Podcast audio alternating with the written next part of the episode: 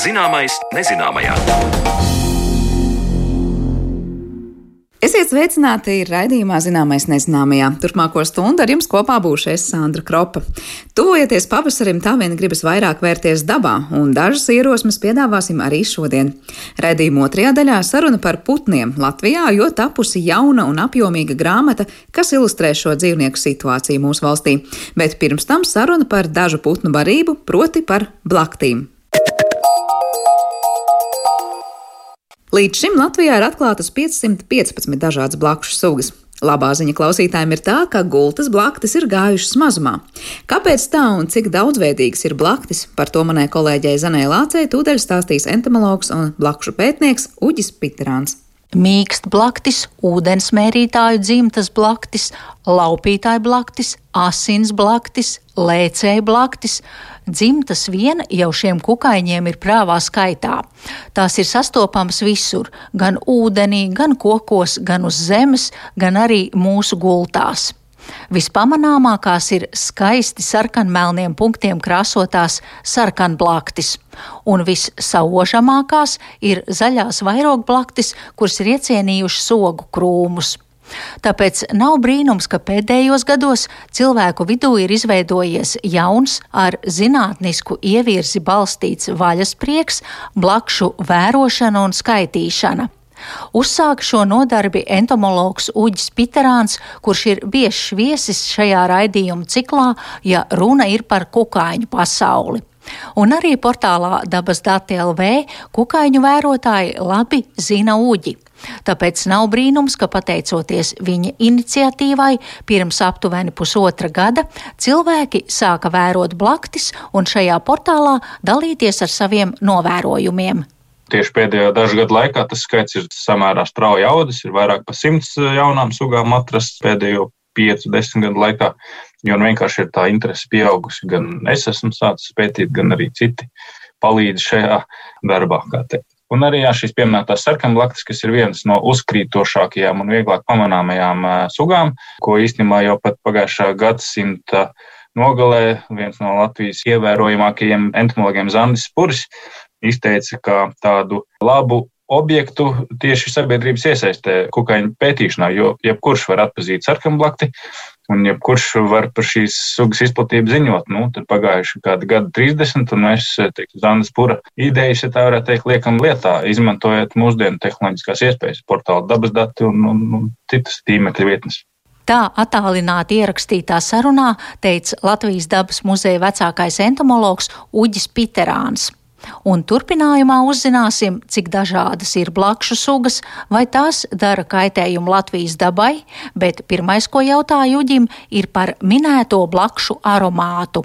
Arī citas blaktis izdala nepatīkamu aromātu, bet no nu, aeroga blaktis ir tās populārākās, kas sēž uz kādu ogu krūmu, mēs ņemam ogu un eh, tajā brīdī blaktis jūtās apdraudēta un viņa cenšas aizsargāties ar šo smaržu.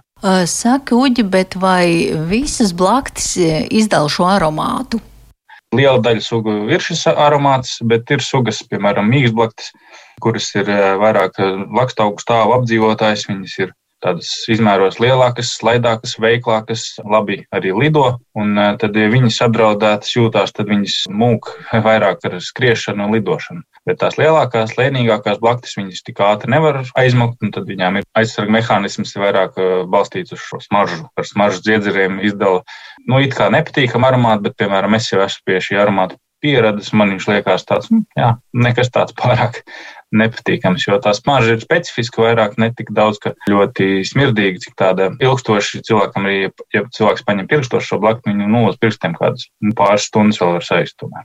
Vai tu vari pastāstīt, kādas tad blakšu sugas ir sastopamas Latvijā?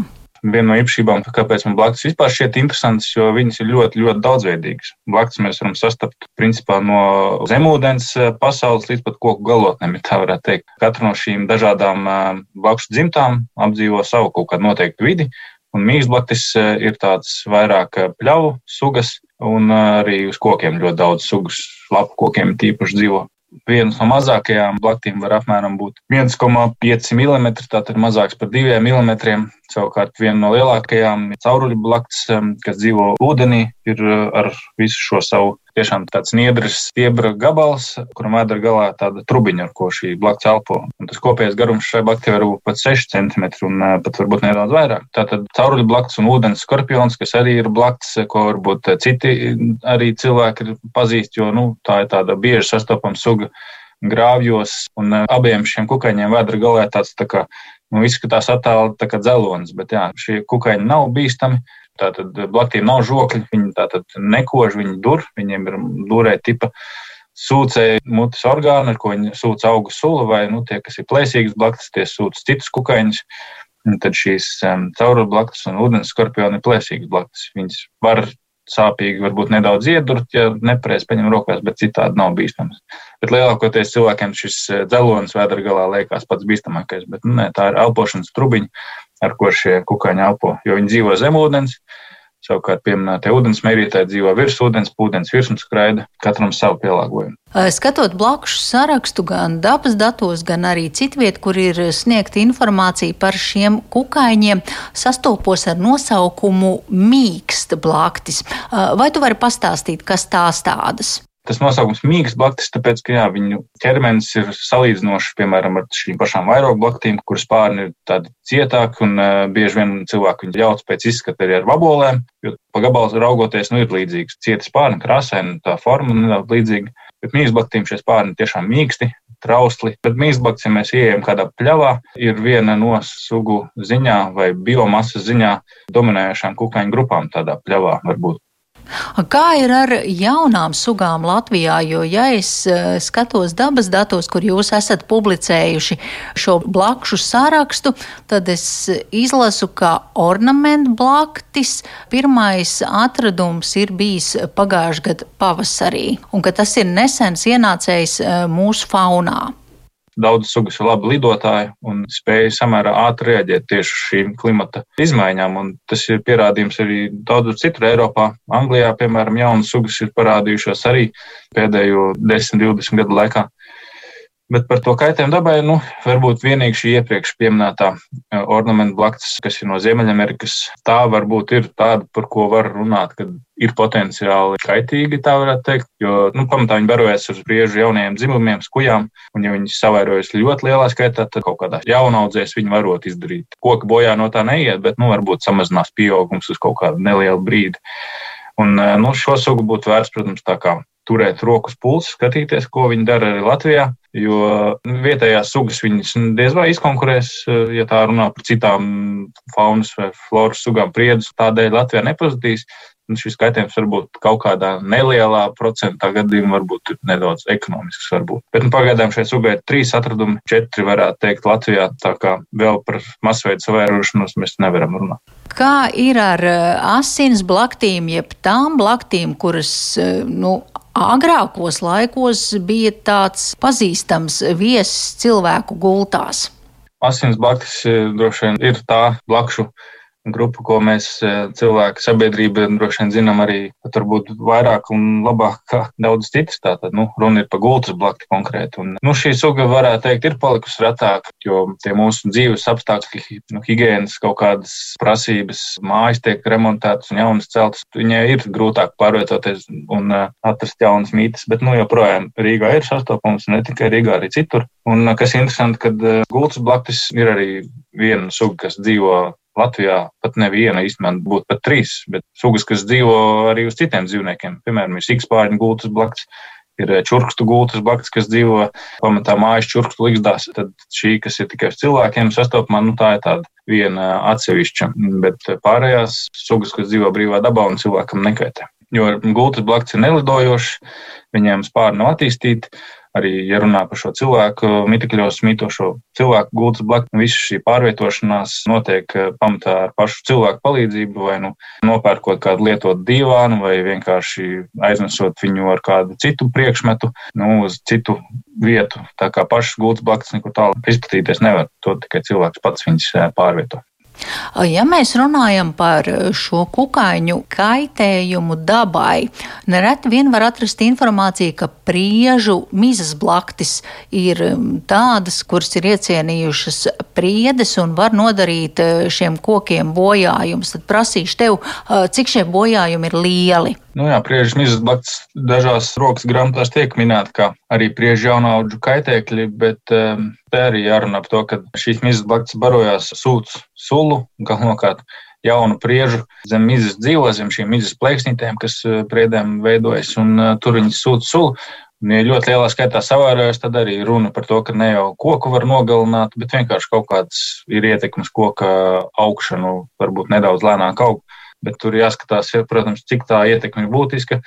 Un, uh, gan izvēlē, jebkurā jaunaudzē mēs ieejot, mēs šo blaktu atradīsim. Nu, pret viņu īsti nevar baigt cīnīties. Viņa vienkārši tāds dabas elements. Un domāju, ka lielā mērā nu, tā ietekme ir pietiekami niecīga, lai nu, lielākoties mēs viņu vispār nesajustu. Tas ir tāds kaitēklis, kas ir vienkārši dabas sastāvdaļa, ko nevajadzētu uzskatīt par kaitēkli, bet vienkārši pieņemt, ka, ja mēs nodarbojamies ar meža saimniecību, tad nu, šī suga tur būs neatkarīgi no tā, ko mēs tur darīsim. Un, ļoti būtiski ietekmi, es domāju, viņi principā neatstāja. Ieskatu blakšu pasaulē sniedza Latvijas dabas muzeja vecākais entomologs Uģis Pitrāds, un ar viņu sazinājās mana kolēģe Zane Lāce. Bet raidījuma turpinājumā mēs parunāsim par putniem, jo ir tapusi jauna un ļoti apjomīga grāmata.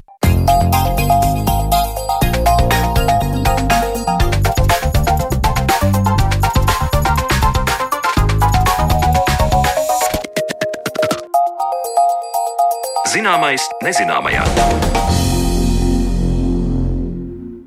Pavisam nesen klajā nākus Latvijas ornitoloģijas biedrības eh, sastādītā grāmata Latvijas likstojošo putnu Atlanti 1980. līdz 2017. gads. Putnu skaits, izplatība un to izmaiņas. Viens no tās autoriem, Viesturs Čerus, to raksturojas kā vērienīgāko publikāciju, kas pēdējos gados par Latvijas putniem ir izdota. Iespējams, grāmata var kalpot arī par nosacītu atskaites punktu, vērtējot, kāds tad šobrīd ir putnu stāvoklis Latvijā. Par jauno publikāciju un tās secinājumu jautājumiem, tad nu arī mēs runāsim raidījuma turpinājumā, jo uz sarunu mūsu attālinātajā studijā esam aicinājuši divus no šīs grāmatas autoriem - Latvijas ornitoloģijas biedrības valdes priekšsēdētāju Viesturu Čerus un Latvijas Universitātes bioloģijas fakultātes asociēto profesoru Aināru Rauniņu. Labdien jums abiem! Sveiki! Labdien! Mēs pēdējā laikā arī šajā raidījumā esam runājuši par dažādiem putnu atlantiem, kas ir izdoti un pētījumiem, kas ir notikuši, bet vai viesiesiet skaidrību, ar ko šis atlants ir nu, ievērojams vai atšķirīgs tātad, eh, ar savu apjomu, to kādu laika posmu aptver vai kur teritoriju tas aptver? Viestur varbūt došu vārdu tev. Jā, nu šim, eh, šai publikācijai nevelti nosaukumā ir Atlanti daudzskaitlī, jo tā aptver visus likstojošo putnu atlantus, kas līdz šim Latvijā ir īstenot. Tātad grāmata it kā ir viena, bet tie pētījumi, kas ir ietverti, ir vairāk jau no 80. gadiem, 80. 84. gads, tad nākamais bija 85. 89. tad 2000. 2004. un 2013. 2017. Tātad, eh, kā jau minēju, tā ir nu, tāda pietiekami vērienīga publikācija, jo tik lielu uh, datu apkopojumu līdz šim mēs neesam, neesam publicējuši.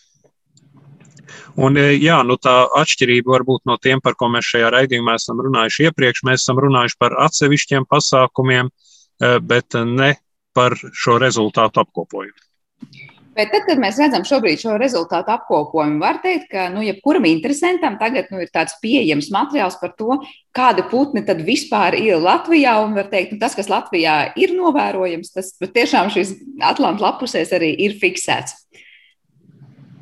Negluži, lai gan, kā jau minēju, publikācija ir vērienīga, bet svarīgi tomēr paturēt prātā, ka tā aprobežojas ar līgzdojošajiem putniem. Tas ir mazliet virs 220 putnu sugām. Tā neietver sugas, kas šeit ir sastopamas tikai ziemošanas vai cauceļošanas laikā, un tā neietver sugas, kas ir tā saucamie maldu viesi, kas reizes simts gados ielido un tad aizdodas prom. Tā tad tā nav gluži enciklopēdija par visiem Latvijas putniem, bet visas sugas, kas šeit liksto, gan šajā grāmatā ir ietverts. Aināram droši vien arī kas piebilstams par to, kā raksturojam šīs grāmatas nozīmīgums un aptvērums. Jā, šie, šī grāmata tiešām, kā jau Viesturs minēja, aptver veselus četrus likstojošo putnu atlantus. Un, ja mēs skatāmies uz katru atlantu atsevišķi, tad tas ir tāds kā momentu uzņēmums par to brīdi, par to periodu, kad šis atlants ir veikts. Bet tajā brīdī, kad mēs skatāmies visus, visu šo atlantu rezultātus vis, visas tā rezultātā tapušās kartes blakām, mēs redzam, kādā veidā ir notikušas pārmaiņas, kas mūsu dabā ir mainījies tieši, tieši putnu, likstojošo putnu, putnu faunā. Mēs redzam, kāda, kāda, kādām sugām izplatība ir paplašinājusies, kādām sugām samazinājusies, vēl vairāk, kuras sugas vispār no jauna ir ienākušas kā likstotājas, un arī sugas, kuras šajā laika periodā ir izzudušas. Tā kā tas laiks ir pietiekoši, nu, var teikt, ilgs, lai paskatītos, kādi procesi vispār notiek ar izzušanu un ienākšanu. Proti, jau no 80. gadiem skatoties, ir pietiekoši daudz desmitgadus pagājuši, lai izmaiņas putnu pasaulē tā skaisti uzlikt uz papīra.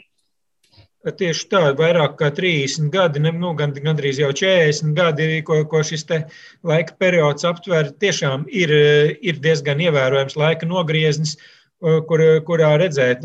Un, turklāt grāmata aptver ne tikai izplatības pārmaiņas, grāmatā ir arī visām tām sugām, kam, kam ir bijuši pieejami tādi dati, ir arī populācijas lieluma pārmaiņas raksturots Tur ir tādi grafiki, kas, kas raksturo, kā populācija mainījusies ik gadu dažādos laika periodos. Tur gan, tur gan varbūt e, nevienai sugai nav šis vairāk kā 30 gadu periods, tur garākie laika nogriežņi ir, ir kādi 25 gadi, bet nu, vienalga šīs ikgadējās pārmaiņas tomēr ļoti labi raksturo, kas notiek dabā. Bet tad sanāk par to, kā tie dati tika iegūti visus šos gadus. Tad vienalga, vai tie 25 vai visas 40 konkrētajās vietās tika veikti vien un tie paši novērojumi. Lai nav tā, ka vienu gadu skatījāmies, es nezinu, vienā reģionā Latvijas, otrā citā reģionā un nevaram salīdzināt, kas tad notika ar tām izmaiņām. Mēs varam teikt, ka visus šos 40 gadus vienās un tajās pašās vietās šie monitoringi nu, ir veikti. Te mums gan ir jāno, jānodala, ir, ir Atlanta metodika, kurā valsts ir sadalīta noteikti izmēra kvadrātos, kas pirmajos Atlantos bija 10 x 10 km, pēdējos Atlantos tie bija 5 x 5 km, un tad šie kvadrāti tika apsakoti un reģistrējot visas likstojošo putnu sugas pēc noteiktām pazīmēm. Tas ir nu, tieši darbs pie Atlantiem, pie izplatības. Savukārt, kas attiecās uz populāciju pārmaiņām, ikgadējiem populāciju indeksiem, tad e, e, kopš 2005. gada e, visās ekosistēmās būtībā izkaisīti pa, pa visu valsts teritoriju, ir standartizēti maršruti, kopumā katrs 4 km gari, kuros katru gadu viens un tas pats novērotājs iet un skaita visas nu, vis, visas tur reģistrējumās eh, putnu, putnu sugas, un tas dod šīs skaita, skaita pārmaiņas. Tad mēs runājam būtībā par divām lietām, kas šajā grāmatā ir apkopots izplatības pārmaiņām, un tie tā tad ir šie te eh, Atlantē ar Atlantu metodiku un likstošo putnu uzskaitas, kas ir ar šo maršrutu metodiku. Jā, par to, kādas uh, pārmaiņas. Es tūdaļ pajautāšu viesturi, jā, gribēju piebilst, laikam, kaut ko vēl pie šīs metodas. Jā, jā Ainārs ļoti labi izskaidroja, kā tas attiecas uz putnu populāciju pārmaiņām, bet par tiem atlantiem tu pieskaries ļoti svarīgam jautājumam, jo tiešām varbūt, ka tos rezultātus ietekmē tas, ka 80. gados cilvēkiem interesantāk bija meklēt putnus vienās vietās un, un 2000. gadu sākumā citās. Un eh, tas, protams, sarežģīja rezultātu salīdzināšanu, bet uh, uz kartēm mēs esam uzlikuši visus datus, kas ir ievākti. Bet, ja mēs runājam par pārmaiņām, tad jāskatās ne tikai uz kartēm, bet arī jālasa, kas ir rakstīts. Uh, runājot par pārmaiņām, mēs salīdzinām tikai tos kvadrātus, kas ir labi apsekoti. Tāpēc, uh, respektīvi, tādus kvadrātus, kur uh, nu, nevarētu teikt, ka visas sugas, kas tur ir sastopamas, ir tiešām atzīmētas, bet kur lielākā daļa ir skaidrs, ka tiešām ir atzīmēta. Tātad gluži visus kvadrātus mēs nesalīdzinām tos, kas ir redzami kartē. Mēs pārmaiņas vērtējam pēc mazākas datu kopas.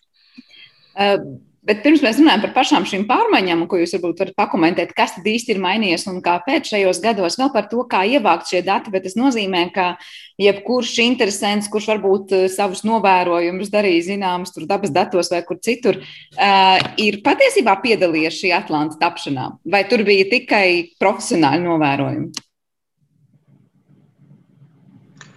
Uh, ja, ja es atbildu uz to jautājumu, tad uh, jā, nu, nosacīt varētu teikt, jebkurš interesants, kas ziņoja dabas datos, ir piedalījies.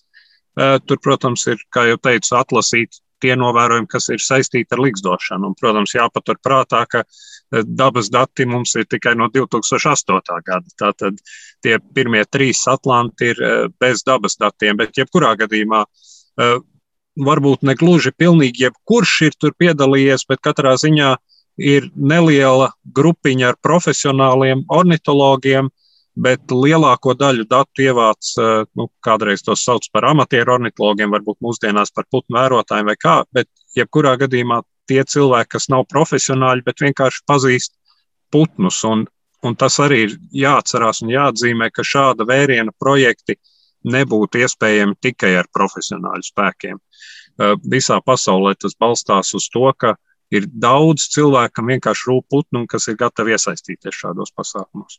Jā, šie ir tie saucamie sabiedrības zinātnieki, ja, par ko mēs tik ļoti bieži arī runājam, tad, kas nebūdam profesionāli, eh, tiešām sniedz arī savus novērojumus un savu ieguldījumu. Aināram būs kas piebilstams par to, kā šie dati tika ievākti un interpretēti. Es varbūt piebildīšu par to, ka šis amatieru ornitologu, ja putnu vērotāju skaits nav bijis konstants Latvijā visus šos laikus. Un, Un, ja ejam atpakaļ uz tiem laikiem, kad šie atlanti sākās uz 80. gadiem, e, tad šo putnu vērotāju, labu putnu pazinēju bija krietni mazāk nekā viņu ir mūsdienās. Un līdz ar to e, nu, šis lielais uzdevums nosekt visu valsti, visu, vi, nu, censties nosekt visus kvadrātus ar, ar novērotājiem un novērojumiem, bija daudz grūtāks to, to laiku nekā, nekā tas ir tagad. Vēl, vien, vēl viens aspekts arī daudzējādā ziņā zināšanas. Un arī šīs pašas putnu noteikšanas prasmes ir viena lieta, bet arī zināšanas, kur kādu sugu meklēt, arī šajā laika, šajā laika nogriezienī ir stipri, stipri mainījušās. Līdz ar to, kā jau viesturs pieminēja, arī dažādām dzīvotnēm ir pievērsta diezgan atšķirīga uzmanība. Un varētu teikt tā, ka Eh, ja pirmajos Atlantos teiksim, meži un purvi tika, tika labi apsakoti, salīdzinoši tad, teiksim, lauka, lauksēmniecības zemēs, zemēm un tādām, tādām vietām, kas no tā laika ornitologa izpratnē skaitījās putnu neinteresantas vietas, tika pievērsta daudz mazāka uzmanība. Līdz ar to mums tajā laikā bija dažādi baltie plankumi.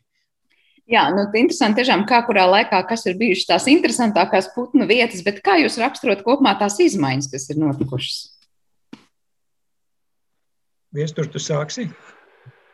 Jā, nu tas tāds uh, liels jautājums, uz ko grūti dažos vārdos atbildēt, jo uh, ir jāņem vērā, ka pārmaiņas ir notikušas ļoti lielas e, gan politikā, gan zemes apsaimniekošanā, un turklāt tās nav bijušas lineāras. Teiksim, ja mēs skatāmies uz e, lauksaimniecību, e, tad 90. gadu sākumā vidū lauksaimniecības intensitāte kritās, pēc tam viņa atkal pieauga. Mežu platības arī ir mainījušās dažādos virzienos, dažādām sugu grupām. Uh, Un, protams, eh, lai kādas pārmaiņas dabā notiktu, eh, būs eh, vienas sugas, kas no tām iegūs, citas sugas, kas zaudēs. Tā kā nu, nav, nav īsti iespējama viena atbilde uz, kas ir noticis. Ja tā jāatbild dažos vārdos, tad noticis ir daudz kas. bet, mēs, bet mēs vairāk esam tā kā varam teikt, šajā laika posmā zaudējuši. Mums par putniem ir kļuvis Latvijā tā vienkārši sakot sliktāk. Vai ne gluži, ka ir vienkārši ir putni, kuriem ir klājies sliktāk, un ir putni, kuriem šajā laikā tieši ir kļuvis labāk? Uh, jā, ir tā, ka ir gan tādi, kas ir uh, gājuši uz leju, gan tādi, kas ir gājuši uz augšu, nevarētu tā vispārīgi sakot, uh, teikt, ka ir kļuvis sliktāk, lai gan uh, nu,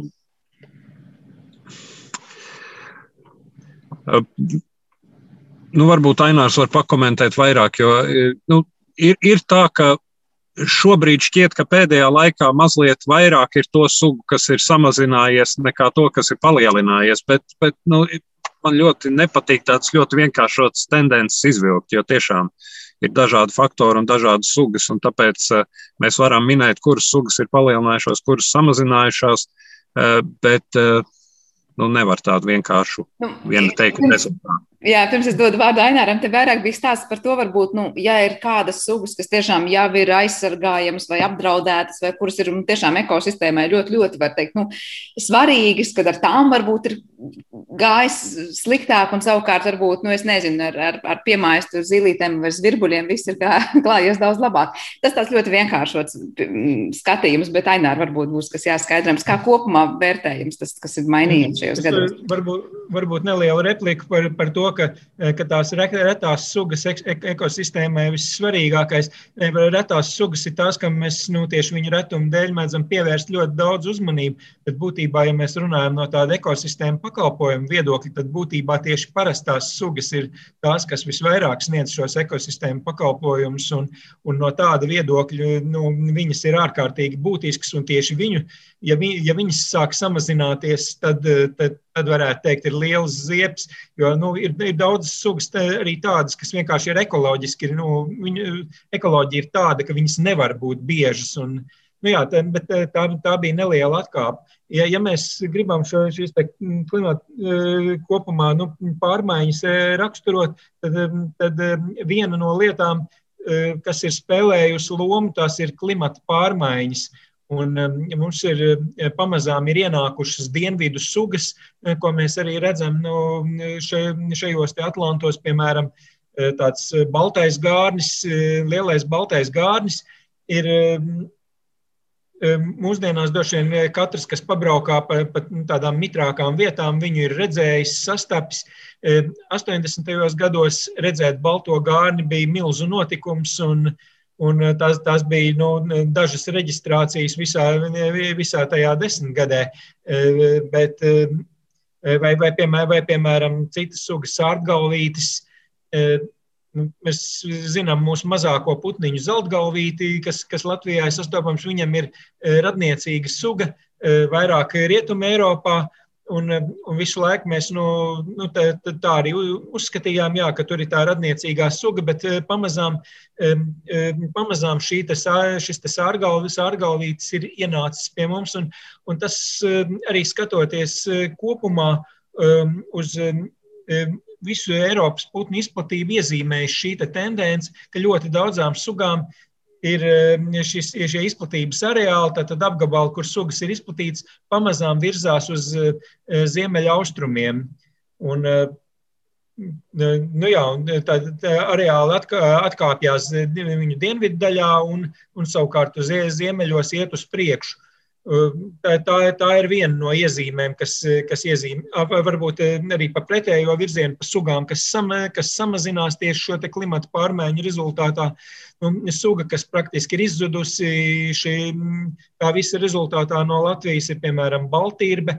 Ja vēl pirms simts gadiem tā bija nu, tāda normāla medījuma suga, ko katru, katru gadu mednieki tūkstošus nošāva atļautās medībās, tad šobrīd suga nu, praktiski pie mums vairs ne, nedzīvo. Un būtībā arī nu, šajos Atlantos mēs varam izsekot, kā, kā suga, suga vienkārši, vienkārši iz, izzūd. Nu, tas pie, piemērs no, no, no pretējās, pretējās puses. Bet nu, otra lieta ir šīs dzīvotņu pārmaiņas, dažādi kā, kā dažādas ekosistēmas ir mainījušās. Un šiem tiem pašiem lauku putniem, ar lauksaimniecības zemēm saistītajiem putniem, mēs varam izsekot arī šīm te, kādā veidā šī lauksaimniecības intensitāte ir, ir mainījusi putnu populācijas. Un te, te mums nāk, nāk tālāk šīs putnu uzskaitas, kur ik gadu tiek skaitīti putni. Un eh, visgarākā laika rinda ir piemēram Griezē, kur eh, šīs eh, maršrutu uzskaits sākts jau 1989. gadā. Tātad būtībā vēl padomju laikā mm, augstas lauksaimniecības intensitātes mm, periodā. Un mēs, mēs redzam, kā, kā, kā sākumā šī populācija indeksa līnija brauc uz leju, bet tad 90. gadu sākumā šis kritums ir apstājies un viņi strauji sāk, sāk iet uz augšu uzkāpja, uzkāpja daudz augstāk nekā, nekā bija savā sākuma punktā, bet tad apmēram kaut kur 2000. gadu pir, pirmās desmitgades vidū ja šis kāpums ir apstājies, un nu, viņa atkal ļoti strauji brauc lejā. Tad, tad būtībā nu, viņi izsako ar nelielu laika nobīdi, izsako šīm lauksaimniecības intensitātes pārmaiņām. Un, protams, viņi savulaik bija ieguvēji no mazāk intensīvas lauksaimniecības, bet patreizējā lauksaimniecības intensifikācija dzen šo griezes populāciju uz leju. Jā, nu es pieņemu, ka bez griezes ir arī vēl citi putni, kas varētu būt tādi vēstneši tam, kā notiek tā intensīvā lauksaimniecība Latvijas ainavā. Viesturam būs par šiem putniem, kas piebilstams. Jā, gan par šiem, gan par citiem. Vienā brīdī eh, minēja par tiem eh, retajiem un biežajiem, un tas ir tas, kāpēc man arī grūti izvilkt tendences, jo ir uh, retas putnu sugas, kam ir klājies relatīvi labi. Teiksim, jūras sērgļu populācija ir gājusi uz augšu visā Eiropā un arī uh, Latvijā, bet tai pašā laikā ir, protams, retas sugas, piemēram, zaļā vārna, kas turpina pamazām savu ceļu uz izzušanu. Un, un droši vien, ja nebūtu man kolēģi pūļu kopš 90. gadu beigām, jau būtu izzudusi. Bet tai pašā laikā ir arī parastas sugas, teiksim, zvirbuli, tu pieminēji, mājas zvirbulis ir viena no sugām, kam izplatība ir samazinājusies. Bet, nu, teiksim, žubīte, kas bija parastākā suga, tā ir parasti joprojām vai, teiksim, koku čipste, kas arī ir relatīvi ļoti parasta suga, turklāt suga, kas saistīta ar izcirtumiem, bet šīs sugas populācija samazinās. Tā tad ir skaidrs, visticamāk, ka viņu ietekmē kaut kas, kas notiek ārpus Latvijas. Un tas mazliet iezīmē to, ka šī Atlanta parāda, kas notiek, bet ne uzreiz, kāpēc tas notiek. Bet arī nu, mēģinot ne kopējās tendences, bet nu, tādas specifiskās tendences, ja tā var teikt. Ja mēs runājam teiksim, par to pašu lauksaimniecību, tad mēs redzam, ka ļoti slikti klājas sugām, eh, kas ir saistītas ar mitriem, slapjiem zālājiem. Tur ir bridēji putnu sugas. Eh, um, pamat, nu, Atlantijas ietvaros vēl nē, bet eh, jā, es apmaldījos. Tādas bridēji putnu sugas pļauju tilbīti, piemēram, un tam līdzīgi ir tādas, kas ir stipri gājuši uz leju. Šis šņibītis ir izzudis pavisam kā likstotājs. Attiecībā uz mežiem ir jāņem vērā, ka samazinās vidēji vecuma mežu platības, samazinās skujkoku mežu platības, un līdz ar to nebūtu nepārsteidzoši arī daļa no tām sugām, kas ar šiem biotopiem saistīti, iet uz leju. Tā kā tās liederīgās tendences, ko es gribēju teikt, ir vērts skatīties mazliet šaurākā griezumā, nevis visa Latvija kopumā. Jo tas, nu, kā klājas putniem Latvijā kopumā, tas maz ko parāda. Un, un maz palīdz mums saprast, ko mums vajadzētu darīt, lai viņiem klātos. Tas tāds, tas tāds vidējais aritmētiskais, kas neko mums īsti nepateiks, bet uh, no tā, ko mēs ieraugām, nu, pietiekoši šauri skatoties uz konkrētajām sugām vai konkrētajiem reģioniem, uh, kā jūs saskatāt, ir konkrētas lietas, ko var šobrīd vairāk darīt, vairāk, nezinu, apsaimniekot gudrāk un saimniekot labāk, lai šīs sugas nu, beigtu iz, savu izzušanas, kā saka, to kursu, kur ir, uz, kur ir uzņēmušas, vai tur ir neatgriezeniskās pārmaiņas, kas jau, jau ir notikušas un novērotas, tad mēs varam sagaidīt, ka tuvākajās desmitgadēs to putnu pat tiešām kļūs vēl mazāk, varbūt izzudīs pavisam. Uh, nu, tas, atkal ir, tas atkal ir atšķirīgs stāsts par dažādām sugām. Ir teiksim, tā pati Baltija, bet es domāju, tur mēs visticamāk nevaram darīt pilnīgi neko, jo nu, tā ir nometnieku suga, kas ir visticamāk izzudusi klimata pārmaiņu dēļ, un ja, mē, ja vien mēs nevaram pavērst klimata pārmaiņas pretējā virzienā, visticamāk Baltija mums atpakaļ uh, nebūs.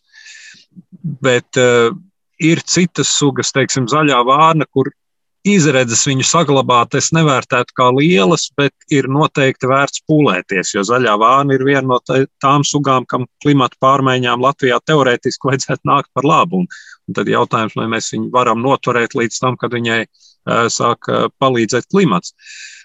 Bet attiecībā uz tām sugām, kas nav izmirušas, protams, ir ļoti daudz lietu, ko mēs varam darīt, un tas arī ir atsevišķā nodaļā grāmatā ietverts.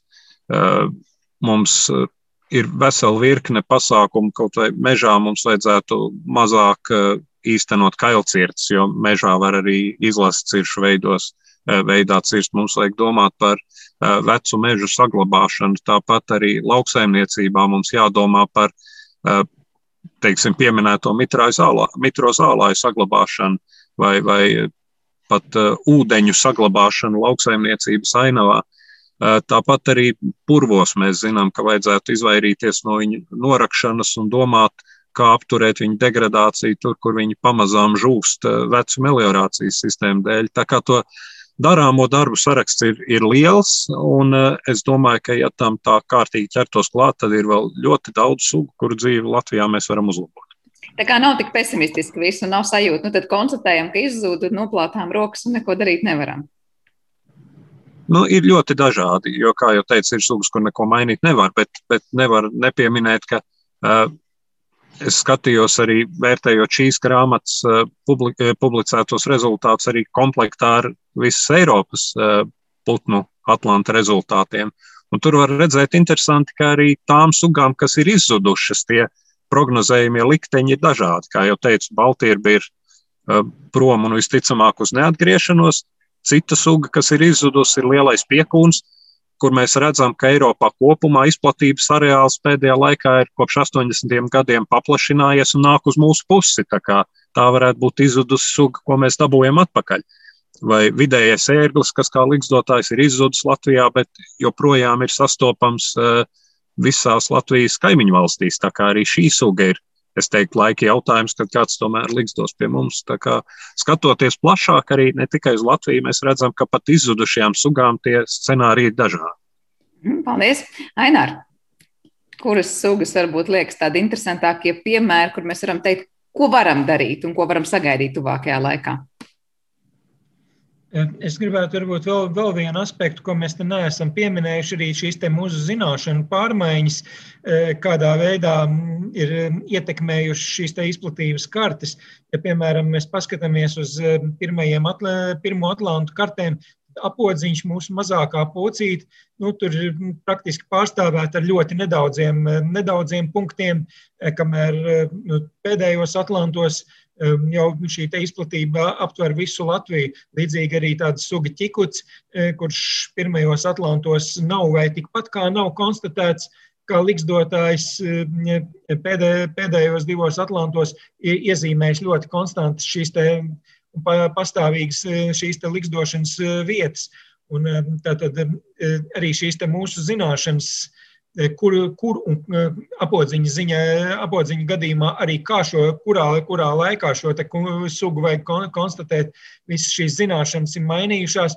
Un, eh, nu, nu jā, un, un tas, protams, uzreiz izmaina, izmaina mūsu priekšstats par to, ko mēs šo sugu labā varam darīt.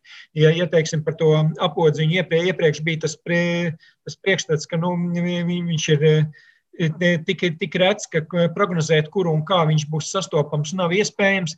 Tad, tad šobrīd, zinot, ka skaidri māko, mākot viņu konstatēt, un, un ir ļoti labi apzināti šīs sugas izplatība, labākās vietas, šos te, gan Atlantam ievāktos, gan, gan citus datus ar punktveidu novērojumiem, tālāk var izmantot sugu uh, sugu izpl sugas izplatības modelēšanā, atrodot šīs piemērotākās dzīvotnes un, e, un jau dizainēt vai, vai, vai teiksim, identificēt tās teritorijas, kas sugai, sugas aizsardzībai ir visnozīmīgākais un tādējādi e, plānot šīs sugas aizsardzību, kaut vai pirmais solis pārklāt, pārklāt to ar esošo aizsargājumu no teritoriju sistēmu un saprast, kuras no ļoti nozīmīgajām uh, ja sugas, sugas dzīvotnēm šobrīd ir neaizsargātas un ko tur var darīt.